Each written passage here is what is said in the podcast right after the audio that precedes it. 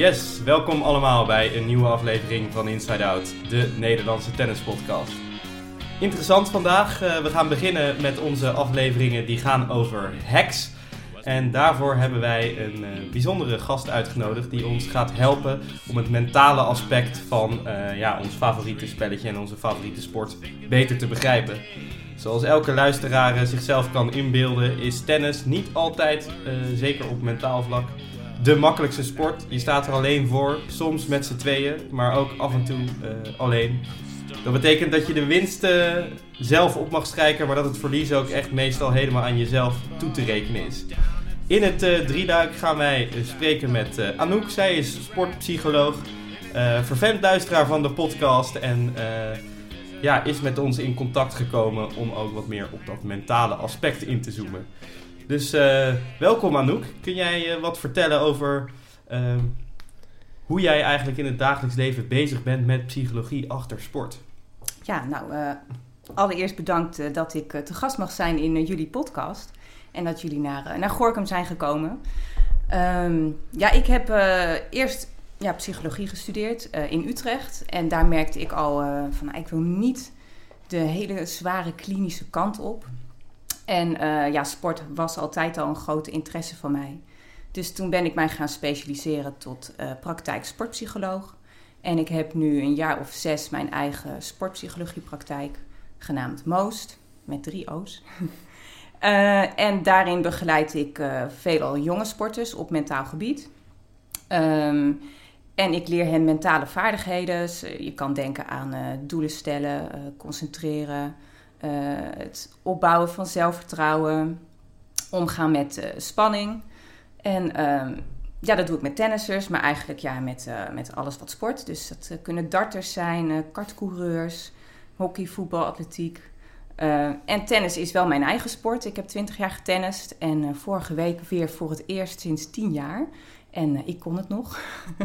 dus ik moet wel zeggen dat ik het het leukst vind om met tennissers te werken. Omdat ik dan toch mijn eigen ervaringen van de baan mee kan nemen. Ik weet hoe spannend het is om een tiebreak te spelen. Om een heel lekker gevoel te hebben bij het inspelen. En dan begint de eerste game dat je denkt, oh, hm, is, is dit ineens het niveau geworden? Dus, dus ja, zo combineer ik eigenlijk mijn passie voor tennis en psychologie in de sportpsychologie. Nou, leuk. We zijn erg benieuwd of we daar wat van op kunnen steken. Sommige luisteraars die maken zich misschien al wat zorgen. Is de vaste dubbelpartner aanwezig? Hij is vandaag weer aanwezig. Jort, ik ben ook wel benieuwd naar jouw visie. ben jij het eens dat ja, tennis af en toe een lastig spelletje is als het uh, om het mentale gaat. Ja, zeker. Zeker. Ik heb. Ja, buiten dat je het op tv af en toe ziet, hè, dat, uh, dat, dat de topspelers of speelsters choken. merk ik het zelf ook heel erg. Ik heb zeker ook de afgelopen jaren nog, ondanks dat ik ja, ook al ruim 20 jaar tennis lekker staat te spelen en dan bij de eerste game mijn armen volledig vastzit en terugval in, in, in ja, oude patronen, in ja, heel angstig spel. En ja, het is lastig om, dat, om dat weg te krijgen, ondanks dat, je, dat ik dan tegen mezelf zeg van oké, laat gaan, maakt niet uit, het is maar een spelletje. ja, dat vind ik zelf ook nog wel moeilijk. Dus ja, ik, ik ben het daar zeker mee eens. Ja, dan kun je je nog voorstellen dat jij in principe nog amateursporter bent. Dat is natuurlijk nog wel iets heftiger op het moment dat je het, ja, zal ik maar zeggen, doet om uh, brood op de plank te verdienen. Dus uh, nou ja, we zijn erg geïnteresseerd in, in eigenlijk al deze mentale aspecten. En wij denken de meeste luisteraars met ons Anouk. Misschien nog even inhakend op zeg maar jouw dagelijkse leven als sportpsycholoog. Kun jij wat ja, interessante voorbeelden geven van verschillende sporten en verschillende problemen daarbinnen? Mhm. Ja, nou, ik moet zeggen dat de meeste ja, vragen die bij mij uh, terechtkomen, ik word in de regel uh, door ouders gebeld. Van mijn zoon is heel zenuwachtig voor een wedstrijd, of mijn dochter wordt heel boos als het niet lukt op de baan. Um, en dan gaan we in een kennismaking richting een intake kijken wat ik voor ze kan betekenen. En ja, de hoofdpijlers in mijn werk zijn toch wel de thema's zelfvertrouwen, Uh, en uh, sportplezier, dat is eigenlijk waar ik me op richt. Om uh, sporters met plezier en vertrouwen op de baan te laten staan. Um, ja, en er zijn heel veel factoren in de sport die ja, het plezier wegnemen. Dat kunnen zijn ouders langs de baan die kinderen druk opleggen. blessures, onzekerheid. ik vat mijn beroep ook wel eens samen in omgaan met allerlei factoren. Omgaan met uh, irritante tegenstanders die een psychologische oorlogsvoering uh, op jou los uh, barsten. Of omgaan met een fout van de scheidsrechter. omgaan met de zonde in je ogen schijnt, harde wind. dat je ineens op gas moet tennissen in de competitie, terwijl je toch echt liever op gravel speelt.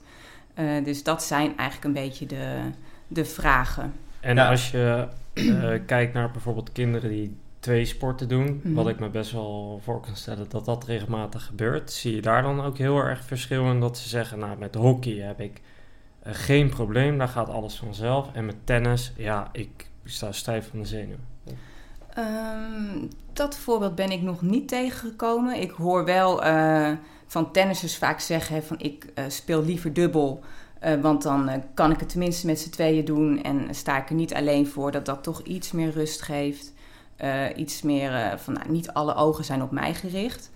Um, wat ik wel vaker zie is kinderen die meerdere sporten doen, uh, die best wel een drukke week hebben, volgepland met allerlei trainingen.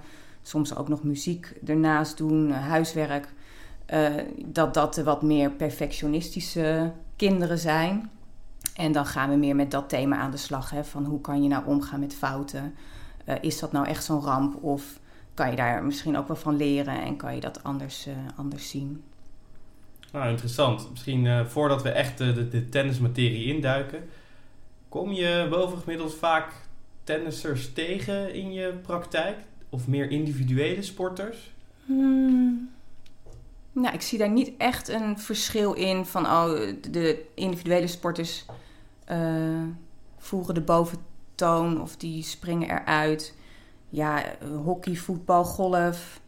Het komt eigenlijk uh, allemaal wel voorbij.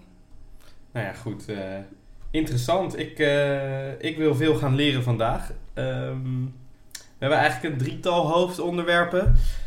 waarvan wij denken, nou ja, daar, daar lopen wij in ieder geval zelf vaak tegenaan. Dat is één eigenlijk, ja, omgaan met spanning. Twee, hoe je positief kunt blijven denken op de baan. En drie, hoe ja, focus eigenlijk en hoe belangrijk dat is. Dus uh, ik zou graag willen beginnen met het omgaan van spanning. En dan was ik eigenlijk gewoon eerst even benieuwd naar een stukje uitleg over waarom we eigenlijk spanning voelen op de baan. Ja, nou dat is een veel voorkomend uh, situatie waar die sporters aan mij vertellen. Hè, van nou op een training loopt het allemaal op rolletjes. Uh, sla ik heerlijke ballen, uh, loop mijn backhand goed en dan is daar ineens de wedstrijd voor het echi. En uh, ja, dan komen er zenuwen bij kijken en dan komt er spanning op te staan. Dus het verschil tussen een training en een wedstrijd is ja, dat het in een wedstrijd uh, om de knikkers gaat. En uh, ja, dat er een winnaar en een verliezer uitkomt. En ja, de mens wil toch graag winnen. Vanuit de evolutie gezien denk ik al gewoon overleven. En dat zit eigenlijk nog steeds in ons systeem. Um, en verder is een wedstrijd natuurlijk best wel een onzekere factor als je daaraan begint. Dus ik denk dat enerzijds het belang meespeelt, uh, waardoor er spanning komt, en de onzekerheid van de afloop. Dus uh, ja, er zijn consequenties die je eigenlijk nog niet kan overzien. Um, en je wil heel graag iets bereiken, winnen, maar je weet niet of dat gaat lukken. En dan gaat eigenlijk je, ja, misschien kennen jullie dat wel, gaat je hoofd gewoon uh, aan de praat. En komen je gedachten op gang. Uh, van ja, ben ik wel goed genoeg? Kan ik wel winnen? Wat als ik verlies? vinden ze me dan nog wel leuk, goed, aardig? Dus ja, je wil ook vooral je, je, ja, je identiteit als tennisser hoog houden. En ja, daarom zijn wedstrijden spannend. Ja, en je hebt denk ik ook heel veel ruimte uh, om erover na te denken. Met andere sporten is dat misschien minder. Nou, zei je net golf. Nou, daar ja. zul je ook heel veel ruimte hebben om, om erover na te denken. Ja. Um, dus ja. Uh, ja, je ligt onder een vergrootglas ja. ook. Hè? In een wedstrijd, je wordt ook letterlijk beoordeeld, geobserveerd. Er is publiek vaak bij. Uh, dat is toch ook anders als, uh, ja, kijk, in de training heb je ook wel je trainer op de baan, maar die staat niet uh, jou met een, een schrijfblokje te, te, beoordelen of je krijgt geen, daar geen cijfer voor. Dus ik denk ook de, dat, dat die factor meespeelt, het gevoel om beoordeeld te worden, dat, er, dat er mensen naar je kijken. Um, ja, en inderdaad, wat jij al aangeeft, Jort, de tijd tussen de punten door, waarbij er dus heel veel tijd is om na te denken en te balen van het vorige punt, uh, de gemiste kans, uh, 40-0 voorstaan en toch je service game verliezen. Ja, dat kan echt nog heel lang doorsudderen. Uh, ja, en dan kan dat dus invloed hebben op ja, de ballen die je dus eigenlijk nog moet gaan slaan. En het is fijn als je dat ja, kan afsluiten en uh, je echt op de volgende bal kan richten. En de, de constante stroom van fouten die je maakt, heeft dat ook daarmee te maken? Uh, ja, kijk, een fout uh, is, is natuurlijk nooit leuk en dan ga je twijfelen. Dus in, in, in een uh, training, bijvoorbeeld als ik even naar mezelf keek, naar mijn voorhand, daar had ik altijd heel veel vertrouwen in. Nou, daar kan je me nog steeds s'nachts voor wakker maken. Die sla ik wel over het net en binnen de lijnen, maar die backhand was altijd best wel onzeker. Nou, en in de training uh, ging die goed. Nou, dan heb je een wedstrijd en dan sla je er in de eerste game meteen twee onder in het net. En dan denk je, ja, zie je wel, uh, gaat hij weer. En in de training ging het wel goed. En dan ga je dus je spel vergelijken hoe het op dat moment is met hoe het in de training ging of je beste niveau. En daar, dan komt er ook twijfel en spanning bij kijken. Maar heeft dat, misschien is dit ietsje meer tennis inhoudelijk. Mm -hmm. Maar heeft dat er vaak ook niet mee te maken dat we vaak trainen in onze comfortzone, dus heel veel ballen slaan en in een wedstrijd is, dat, is dat totaal anders? Uh, Zeker, ja. Dat en moeten we dan niet, is de oplossing dan niet gewoon anders te trainen en alleen maar wedstrijdsituaties nabootsen? Ja, dat, uh, ik dacht dat, nou, dat komt inderdaad zeker nog ter sprake. Dat ja, trainen onder druk, dat is eigenlijk ook altijd een van mijn uh, tips aan tennissers van ga daarmee aan de slag. En ja, je, je, kan ook zeggen wedstrijd-like trainen. Dus ga veel meer trainen op hoe een wedstrijd is. Want ellenlange voorhand, voorhand cross rallies, dat je aan één kant van de baan staat, zeg maar, ja, dat, dat zie je gewoon niet in een wedstrijd. en los daarvan in de training is er inderdaad ook geen druk. En er zijn heel veel manieren waarop je als trainer druk kan uh, toevoegen aan je trainingen. Um, ja, je kan bijvoorbeeld ook een keer uh, voor publiek langs de baan zorgen. Of er een keer een, weddenschapje aan verbinden. Hè, van oké, uh, of een wedstrijdje wie er als eerste tien punten heeft. nou ja, die wint een ijsje. Of juist de verliezer moet tien keer opdrukken voor de rest van de groep. En um, ik heb ook een aantal online trainingen ontwikkeld voor tennisleraren die meetellen voor hun bijscholingspunten. En daarmee gaan ze onder andere met deze opdracht de baan op. En zij filmen dat dan en die filmpjes krijg ik toegestuurd. En het is heel leuk om ook leraren echt praktisch aan het werk te zien met hun leerlingen. En ik had er dus laatst één en die leraar die voegde dus verschillende ja, ego-stressoren, zoals we dat dan noemen, verschillende vormen van druk toe. En aan het einde vroeg je aan zijn leerling van nou, welke vorm bezorgde jou nou de meeste druk? En voor die speler was dat dat uh, als hij uh, de game zou winnen van zijn trainer, volgens mij mocht hij wel met de 30-0 voorsprong beginnen, dan zou die trainer tien keer opdrukken. En hij zei, ja, dat, dat motiveerde mij enorm, dat wilde ik gewoon zien. Uh, en daardoor ging ik heel erg nadenken van, oh, ik moet nu de ballen goed staan, ik mag geen fouten maken. En dan ben je dus heel erg met het resultaat bezig. Um, maar dat is voor elke speler weer, weer anders. Wat de een, uh, voor de een druk geeft, hoeft voor de ander uh, geen druk te geven. Dus dat is een beetje zoeken naar uh, ja, wat werkt voor die specifieke speler. Ja, vond ik wel interessant. Want ik hoorde inderdaad, kijk, je kunt dus natuurlijk twee dingen doen. Je kan eigenlijk jezelf straffen op het moment dat er iets gebeurt, of je kan jezelf belonen op het moment dat er iets gebeurt. Wat werkt beter? Of zit, zit daar verschil in? Um, ja, dat zal denk ik van de speler afhangen. Ik, ik zeg altijd tegen leraren, nou vraag na afloop gewoon op een schaal van 1 tot 10, uh, hoeveel spanning gaf deze opdracht jou? Uh, ja, zola, la, zolang dat onder de 6 is, dan is dat eigenlijk nog te weinig spanning. want je moet echt wel zorgen voor, voor goede spanning. wil je daarmee kunnen trainen? Um, ja, ja, je kan ook andere dingen doen. Een, ka- een camera erop zetten werkt vaak ook al. eh, Mhm. eh, ik bedoel, ik merk dat nu aan mezelf ook. Kijk, nu zijn we even in gesprek, maar aan het begin denk ik, oh ja, zo'n eh, microfoon voor mijn neus en allemaal snoeren hier. En best wel officieel ineens. Terwijl als wij misschien in de kroeg met elkaar gaan praten, ja, dan merk ik ook niet die spanning bij mij. En nou ja, nu is dat inmiddels wel weggezakt. Maar ja, dat, dat, is, dat is toch hoe het werkt. Grappig. Geloof je wel dat eh, spanning ook een positief eh, eh, karakter heeft? Want eigenlijk praten we nu de hele tijd over het bestaan van spanning. Ja, en, en alsof dat iets negatiefs is. ja. Wanneer is spanning, of kan spanning ook positief zijn, Mhm. of hoort het erbij? Wa- wat is goed en, en vanaf welk punt is het niet meer goed? Mhm.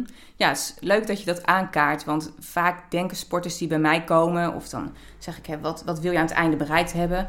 Ja, ik wil nul spanning hebben. Ik wil helemaal van mijn spanning af zijn. Eh, maar dat is ook geen wenselijke situatie. Eh, want dan ga je bijvoorbeeld scherpte en focus missen. Kijk, die spanning is eigenlijk ook een signaal van... hé, hey, je hebt care, hè? je geeft ergens om, je wil, je wil winnen.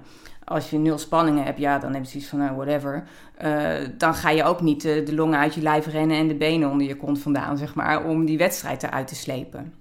Dus je hebt spanning inderdaad eh, ook nodig. En daar is, ja, dat gaat eigenlijk in een soort belcurve. En de ene sporter die presteert wel iets beter met wat minder spanning. Dus zeg maar, ik noem maar wat, drie of vier op een schaal van tien. En er zijn ook spelers die juist echt wel naar die 7, die 8 of die 9 moeten. Want anders eh, nou ja, vallen ze in slaap, bewijs van. En Dus wat, dat- eh, wat, wat bepaalt dat? Wat voor, hoeveel druk, eh, hoe goed je met hoeveel druk speelt? Hè? Kunnen Mhm. luisteraars proberen zichzelf een beetje in te schalen op een bepaalde manier? Hmm. Zijn er karaktertrekken of manieren om dat te achterhalen? Tja, of het echt een karaktertrek is, dat zou ik niet weten. Maar ja, vaak zie je wel dat bijvoorbeeld hè, sporters die in een wedstrijd heel zenuwachtig zijn, dat die bijvoorbeeld ook heel zenuwachtig zijn bij toetsen of bij examens of bij rijexamens. Dus dat het wel doorwerkt op meerdere domeinen. Dus daar eh, kan je vaak wel parallellen in zien. Dus als je bijvoorbeeld weet van, oh ja, ik ben ook heel zenuwachtig als ik andere prestatiemomenten heb of eh, sollicitatiegesprekken of wat dan ook. Dat eh, is vaak wel een indicator.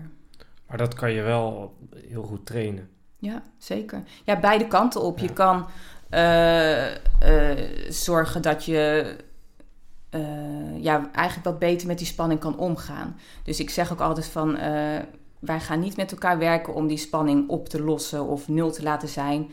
Want zoals jij ook al eerder aangaf, ehm, hoort, spanning, hoort spanning bij sport. Dat is gewoon een onderdeel van tennis, net zo goed als dat fouten erbij horen.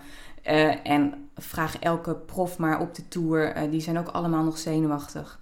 Eh, het gaat erom, hoe ga je met die spanning om? Ga je daarmee in gevecht op de baan? Hè? Van ga je als een soort gesprekje eh pingpongen, tennissen in je hoofd van... Oh, zie je eh, die zenuwen zijn er weer, mijn arm voelt weer zwaar. En zo kan ik nooit goed serveren.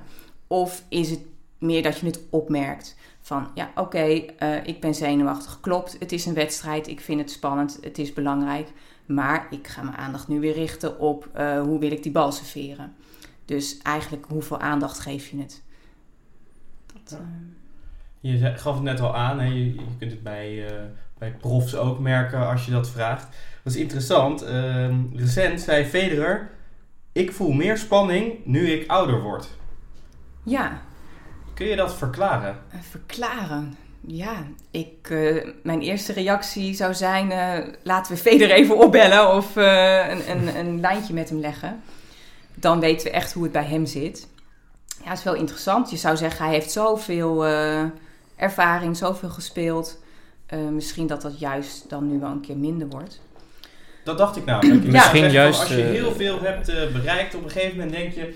Ik heb het allemaal, ik doe het nog voor Ja. de lol, het is een extraatje, het boeit me niet zoveel meer. Maar hij zei dus eigenlijk het, het omgekeerde. Ja. Ik vond dat Maar- moeilijk te, uit te leggen. Hij is, hij is eh, minder, nou ja, vindt hij misschien zelf, of minder fysiek, eh, of minder goed überhaupt dan eerst. En misschien maakt dat hem wel onzeker. Dat hij op een gegeven moment gewoon een gevoel had, ja, ik ben onoverwinnelijk, ik Mhm. ben fysiek top.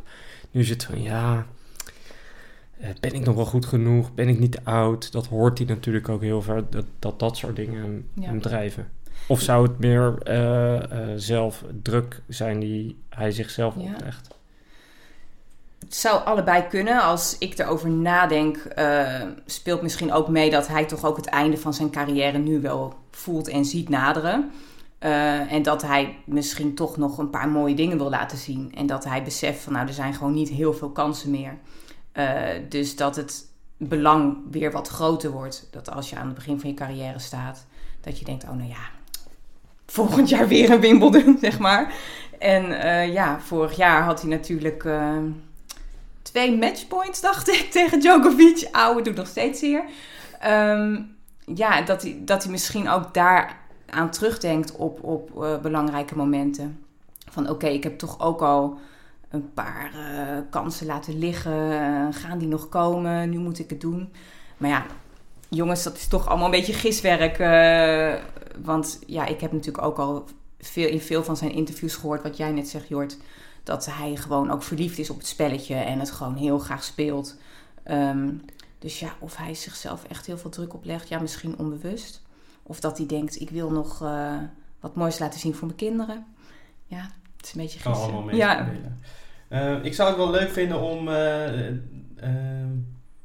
wat, con- ja, wat concreter te worden als het gaat om hoe kan ik in een bepaalde situatie ervoor zorgen dat ik de spanning eraf haal. Hè? Dus Mhm. als we kijken naar ja, toch iets te veel spanning voelen. Nou, zelf even nagedacht. Wanneer heb ik wel eens spanning gevoeld en waar het ook eh, op het moment niet goed afliep, was een wedstrijd in Utrecht, derde set tiebreak. Geen hele belangrijke wedstrijd, geen grote finale, een eerste ronde partij, maar toch derde set tiebreak. Volgens mij derde set tiebreak 4-3 voor, twee keer serveren, twee dubbele fouten. Oei, ja. Dus mijn vraag zou eigenlijk zijn: hoe kun je nu hè, op, op belangrijke momenten, en dat één voorbeeld is dubbele fouten slaan, Mhm. hoe kun je nou het beste voorkomen dat je dubbele fouten slaat? Mhm. Eh, ja, ik ben, ben heel benieuwd. Ik weet niet hoe lang die wedstrijd geleden is, maar weet jij nog eh, wat er door je hoofd ging toen jij eh, in je serviceroutine was aan de baseline? Niet zo goed. Ik kan dat niet zo makkelijk terughalen. Oké, want als maar het, het zou best kunnen zijn van: ik hoop dat ik nu geen dubbele fout sla. En daar zit een, een crux. Als ik naar mijn eigen ervaringen op de baan kijk, heb ik dat ook heel vaak gedacht. Inderdaad, de eerste service was fout. En dan sta je aan die tweede. Als ik nu maar geen dubbele fout sla, inderdaad, wat je net zegt. Of eh, als hij maar niet in het net gaat. Eh, en nou, wat gebeurt er dan? Eh, je, gaat, je slaat in het net. En hoe dat komt is eigenlijk ook dat je hersenen eh, kennen het woord niet, niet. Dus als je zegt niet in het net, eh, blijft gewoon net zeg maar, in jouw eh, hersenen hangen. En blijf, is dat het focuspunt. Dus mijn eerste tip zou zijn, eh, in plaats van eh, je aandacht te hebben bij wat je wilt voorkomen, de dubbele fout, ga je aandacht brengen in wat je wilt bereiken. Dus ga jezelf coachen in, eh, ik speel hem eh, links naar buiten. Bijvoorbeeld, of tweede service in. Dat is gewoon al een positieve zelfspraak, een, een goed resultaat dan de negatieve zelfspraak als ik maar niet in het net speel of als ik maar geen dubbele fout sla. Dus het is eigenlijk, eh, de eerste tip is wat zeg je tegen jezelf? Ehm, de tweede tip zit ook in eh, ja, wat we nu al net eerder besproken hebben, om te gaan trainen onder druk. Dus dat je bekend gaat worden met spelen eh, spannende punten. Dus dan bent je lichaam eraan, bent je hoofd eraan. En dan kan je denk ik beter presteren. Ehm, en soms heeft het ook met ja, meer tactische keuzes te maken. Dat, eh, ja, dat ik soms gewoon tegen mezelf zeg: Oké, wat er ook gebeurt, die eerste service gaat nu in. Eh, soms heb- hebben spelers al een eerste service geslagen, weet je wel, op hoop van zegen. Eh, dan hopen ze dat ze een ace slaan en niet een heel lang spannend tiebreakpunt hoeven te spelen. Ja, dan heb je ineens nog die tweede service. Dus ja, soms is het ook slim kiezen. Ik wil op twee dingen ingaan. Dat is denk ik één, een vraag aan jou, Jort. Heb je wel eens het gevoel dat je eh, te vaak eigenlijk een eerste service inslaat? En eh, aan jou, Anouk, als je dingen tegen jezelf zegt, je kunt... Ik heb namelijk wel eens ook van iemand gehoord dat je eigenlijk ook als je positieve dingen zegt, niet per se resultaatgericht. En deze moet in is wel positief. Maar dan pak je eigenlijk niet een soort eh, technisch iets om op te letten. Mm. Dus iemand heeft me ook wel eens verteld, bijvoorbeeld dat je überhaupt niet met het resultaat bezig moet zijn, maar moet zeggen een goede opgooi linksboven me. Of diep door mijn knieën deze service. Of netjes uitstrekken. Of uh, Ja. goed op mijn linkerbeen landen. Ja. Uh, ik realiseer me dat ik twee vragen heb gesteld. Misschien eerst even uh, Anouk. Zou jij daarop kunnen reageren? Ja, nou een eerste reactie is als je al zegt deze moet in. Ja, moet, dat zorgt ook weer voor druk. Dus dat zou ik willen voorkomen. Eerder zei ik van, hè, dat je bijvoorbeeld zegt van ik speel hem links naar buiten. Dus dan uh, heb je het inderdaad niet zozeer over het resultaat als in in of uit. Maar meer het proces, uh, waar wil ik hem hebben, welk plekje op de baan. En daar kan je dan ook echt uh, bewust eventjes naar kijken. Dat zelfs ook gewoon een keer visualiseren. Dat je echt voor je ziet van oké, ik zie daar de bal landen. Um, het klopt, hè? je kan bijvoorbeeld ook zeggen, ik richt me op mijn opgooi op twee uur. Dat kan bijvoorbeeld ook. let wel op dat je niet te veel technische uh, aandacht heb, bewaar dat voor een training. Want als je echt zeg maar van uh, mijn schouder kantelen, mijn heup, uh, dan ga je zo in je techniek zitten, dan raak je uit je automatisme. En dan ga je heel erg nadenken over hoe je technische slag uitvoert. En dan ja, ben je eigenlijk ook niet meer aan het tennissen, maar heel erg aan het analyseren. En houd dat liever voor trainingen. Oké, okay, interessant. Dus het is eigenlijk, het, het, het kan prima zijn dat je zegt, ik wil deze service naar buiten slaan. Ja. Dat is een goede gedachte. Ja, Beginnend voor een tweede de, service op een Op de moment. bijvoorbeeld, of, uh, of rechtdoor, ja. ja, dat is misschien de, dus de andere vraag die ik nog had. Dan was ik benieuwd naar jouw visie, Jort, is... Je hebt natuurlijk twee services in tennis. Hè? En je, je kunt ze natuurlijk, ja, in principe, als je je eerste inslaat, dan heb je je tweede niet nodig. Dat is een veilige keuze. Dus je kunt er natuurlijk ook voor kiezen om gewoon heel veel eerste services in te slaan. Zodat je überhaupt niet aan die tweede hoeft te denken. Mm-hmm. Maar ja, tegelijkertijd, als je kunt vertrouwen op je tweede, kun je met je eerste wat geks proberen te doen. Dus ik ben benieuwd hoe jij uh, in wedstrijden daarnaar kijkt. Uh, ja, ik ben er wel veel mee bezig geweest. Ik heb ook een jaar gehad dat het totaal niet liep. Dat mijn opgooi echt alle kanten op ging. Uh, zeker op spannende momenten. Dat ik in een wedstrijd soms 20 dubbele fouten sloeg. Ik neig vaak zelf op spannende momenten naar de, eerste service in. Uh, en op het moment dat ik weet dat het technisch goed is, dan sla ik hem eigenlijk altijd ook wel in. En als dat niet, uh, als ik een eerste in wil slaan, maar die gaat niet in, dan heeft dat eigenlijk altijd te maken, uh, als ik hem dan als tweede sla, met een stukje focus. Van, uh, ik heb die eerste dan al geslagen zonder erbij na te denken. Terwijl als ik bij elke service denk, oké, zorg dat die opgooi in ieder geval achter me is en niet te veel, niet te veel voor je gaat die eigenlijk altijd goed. En dat is bij heel veel mensen dat die opgooi uh, bijna essentieel is. Want ik weet ook van mezelf, zeker op spannende momenten, gooi je die opgooi, dan is hij niet goed. Maar je denkt toch, maar ik sla hem en op hoop van zegen. En dat gaat ook nog wel heel vaak goed. Alleen... Dat is ook iets mentaals. Hè? Durf gewoon weer je opgooi te vangen en opnieuw ja. uh, op te gooien. Al moet je dat tien keer doen. Uh, maar ik ken dat ook hoor. Dan uh, heb je publiek langs de kant en denk je... Ja, god, hey, ik ga hem nou toch niet voor de derde keer opgooien. Ze zullen wel denken, gaan we eens even oefenen. Maar dat is ook een mentaal stukje. Dat je gewoon daarachter staat van... Oké, okay, ik ga pas slaan als ik tevreden ben met mijn ja. opgooi. Als die goed is.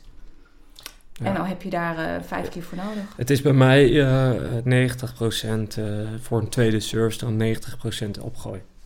Ja. En ik, ik denk dat dat voor heel veel mensen is. Want al, als je een, een kick service slaat, uh, ja, dan moet je die bal gewoon uh, wat meer achter je gooien. En op het moment dat je hem voor je gooit, wordt hij wat vlakker. Dan komt hij gewoon eerder tegen het net of, of uit.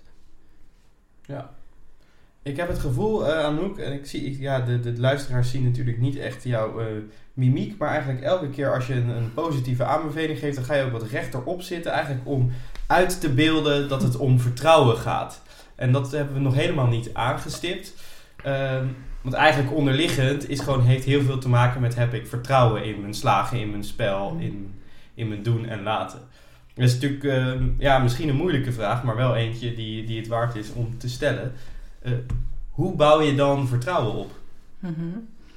Ja, dat, dat is wel echt een proces. Dat is niet iets van, eh, oké, ik geef jou hier een doosje zelfvertrouwen, alsjeblieft. Uh, jammer. Jammer, hè? Ja. ja, als het te koop was, kon je er rijk mee worden. Een mooi, mooi kerstcadeautje voor onder de bomen straks. Um, maar ik, ik ben ook echt van mening dat het, uh, dat het breder is. Kijk, je hebt natuurlijk je, je tennis zelfvertrouwen. Maar het gaat er ook om van hè, hoe zit je als mens uh, in je vel. Uh, krijgt een kind ook van zijn ouders vertrouwen? Mag die bijvoorbeeld ook autonoom keuzes en beslissingen maken? Of zie je toch ouders die de broodpakketten smeren en de tennistassen dragen? Uh, kijk, een kind krijgt ook heel veel vertrouwen als hij merkt van... hé, hey, ik kan dit zelf. Hè? Ik mag zelf kiezen welke toernooien ik speel. Natuurlijk kan je daar ook als coach en ouder uh, in meedenken en aangeven... als je denkt van, ah, oké, dit is niet zo handig. Mm -hmm. um, maar daar zit er bijvoorbeeld ook in, in een stukje autonomie. En wees je ook bewust van je kwaliteiten als tennisser sporters zijn echt kampioen in opnoemen wat er in een wedstrijd allemaal fout is gegaan. Als ik vraag van, goh, hoe ging die wedstrijd uh, afgelopen weekend? Nou, dan krijg ik echt zo'n waslijst aan. Uh, ja, ik was te langzaam, ik heb zoveel dubbele fouten geslagen. mijn service liep niet. Lag aan de wind, lag ja, aan de baan. ja, excuses inderdaad zoeken. en als ik dan vraag, en wat ging er goed? Ja, dan blijft het toch echt best wel vaak stil.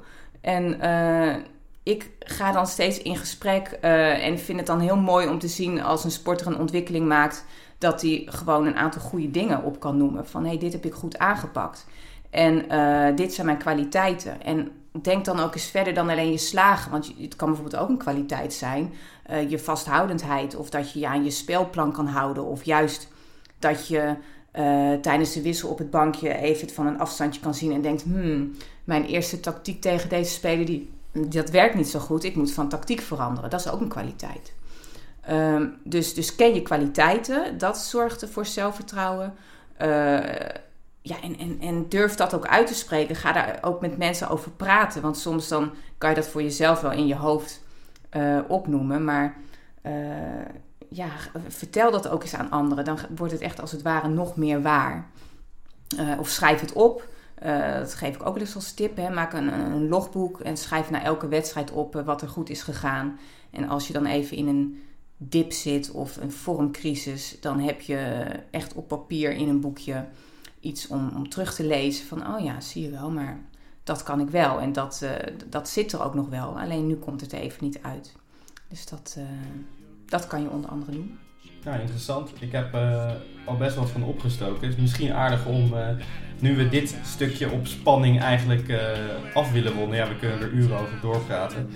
Misschien één ding te noemen die, die, ja, die je gewoon concreet nu ook als luisteraar mee kan nemen. Nou, ik denk, als ik zelf begin en jullie daar ook wat tijd mee te laten winnen, dat ik op het moment dat ik een tweede service ga slaan, nadenk over niet moeten, maar wel gewoon een, een resultaat nemen. Hè? Een, een goede kick naar buiten of een beetje sluit in het lichaam. Ja.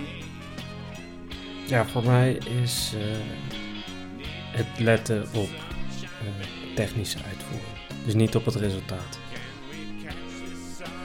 Ja, ik zou dan als tip willen geven: wees mild voor jezelf en uh, zeg ook tegen jezelf: ik mag zenuwachtig zijn. Het is oké. Okay. Federer is ook zenuwachtig. Ja, hartstikke goed. Dat was aflevering 1 van het drieluik met onze sportpsycholoog. Vond je dit interessant? Laat het even weten via onze socials. Abonneer je op onze Instagram, Facebook, nieuwsbrief, noem het allemaal maar op. Volgende aflevering gaan we het hebben over het positieve aan het verhaal. Hoe kun je positief blijven op de baan?